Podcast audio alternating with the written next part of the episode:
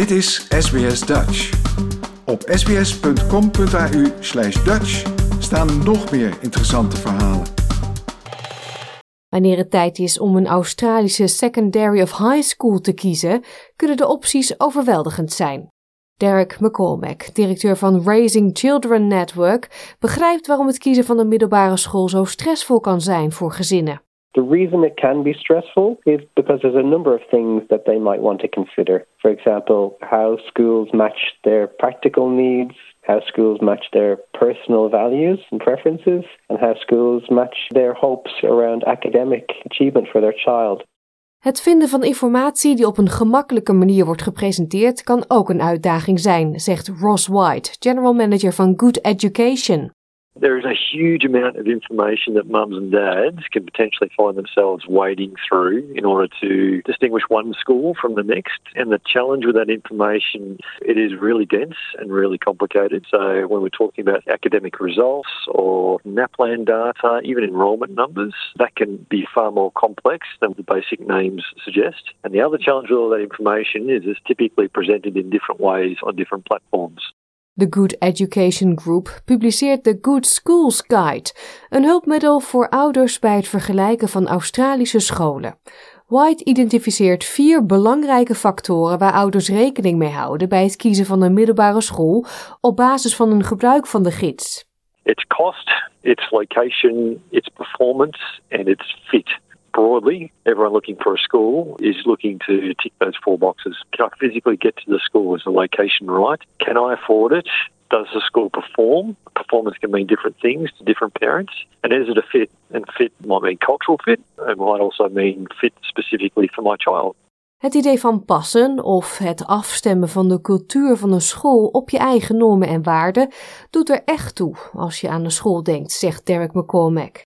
Do we prefer public or private education? What does the culture of the school feel like? Does it match our culture as a family? For example, the emphasis on academic achievement, the uniform policy, is there a compulsory sport or weekend activities? A family might like for different family members to go to the same school. And there might be a particular teaching philosophy that parents are very interested in and their child is keen on. Ouders overwegen misschien religieus onderwijs als dat belangrijk voor hen is, maar ook de voorkeuren van het kind kunnen van invloed zijn op de beslissing. One important factor, of course, is children might have interests, extracurricular activities, or most importantly, friends and connections that mean that they would like to go to a particular school. And that's one of the things that parents would really have to consider listening to and talking with their child about those things that matter to their child. Australische middelbare scholen vallen over het algemeen in drie categorieën: publiek, katholiek en privé. Veel gezinnen kiezen ervoor om hun kind naar de plaatselijke publieke middelbare school te sturen. Een snelle online zoekopdracht zal je vertellen welke publieke school in jouw zone ligt, legt McCormack uit. So, based on where you're living, your child might be eligible for a particular school in that zone. But if you're interested in a school outside that zone, it is worth contacting the school and finding out what's possible. Sommige staten bieden publieke scholen met selective entry of selective classes binnen een school. Deze hebben competitieve toelatingstests. Basisscholen helpen ook, zegt Arlene, wiens zoon dit jaar naar de middelbare school ging in Melbourne. In about May, the year prior, so in grade six, the school sends out some information which gives you the offer of secondary schools within the area and you have the option to put in preferences. Gespecialiseerde middelbare scholen richten zich op bepaalde studiegebieden zoals creatieve en podiumkunsten, taal, wetenschap en wiskunde of sport. Ook hier moeten studenten aan specifieke toelatingscriteria voldoen. Publieke en privéscholen voor speciaal onderwijs ondersteunen studenten met een handicap, gezondheidsgerelateerde aandoeningen en leerproblemen. Arlene koos ervoor om privéscholen te verkennen. We were looking at the best possible school that we could reasonably afford within the best proximity to our current location. So it was a combination of location and the best that you can do with what you can afford. We found a Catholic school with a really good reputation within our sort of geographic location, and it really seemed to be a good fit. Privéscholen rekenen meestal hogere kosten dan katholieke scholen, waarbij de kosten variëren.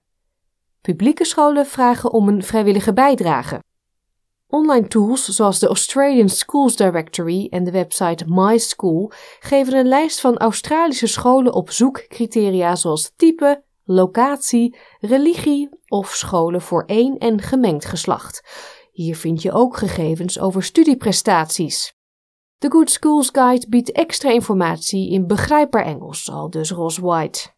Any school that's open to normal standard enrolment is presented on the Good Schools Guide website, and every school has the opportunity to curate their own profile so that they can add things like extracurricular activities or additional information about their campuses that you won't get anywhere else. The other element that we offer is a schools compared function. So, a simple way to line up multiple schools side by side so you can make really simple comparisons. Derek McCormack zegt dat het naast het vergelijken van de academische resultaten van een school ook andere complexe factoren belangrijk zijn voor gezinnen.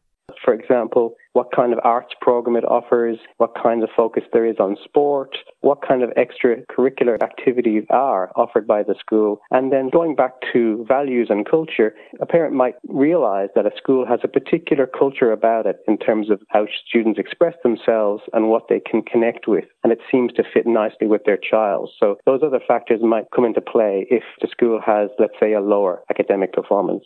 Voor publieke middelbare scholen schrijf je je kind meestal in in de maand april of mei in het laatste jaar van de basisschool.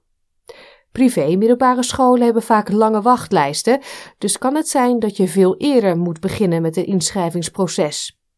Inschrijfdata en procedures verschillen per school. Arlene raadt aan om informatie rechtstreeks bij de school op te vragen. We went to an open day for my son's high school, and that's where we made our decision and picked up the enrolment forms that way. But you can also go onto the website of each school and fill out an enrolment form that way. Wil je nog meer soortgelijke verhalen? Luister via Apple Podcasts, Google Podcasts, Spotify of waar je je podcasts dan ook vandaan haalt.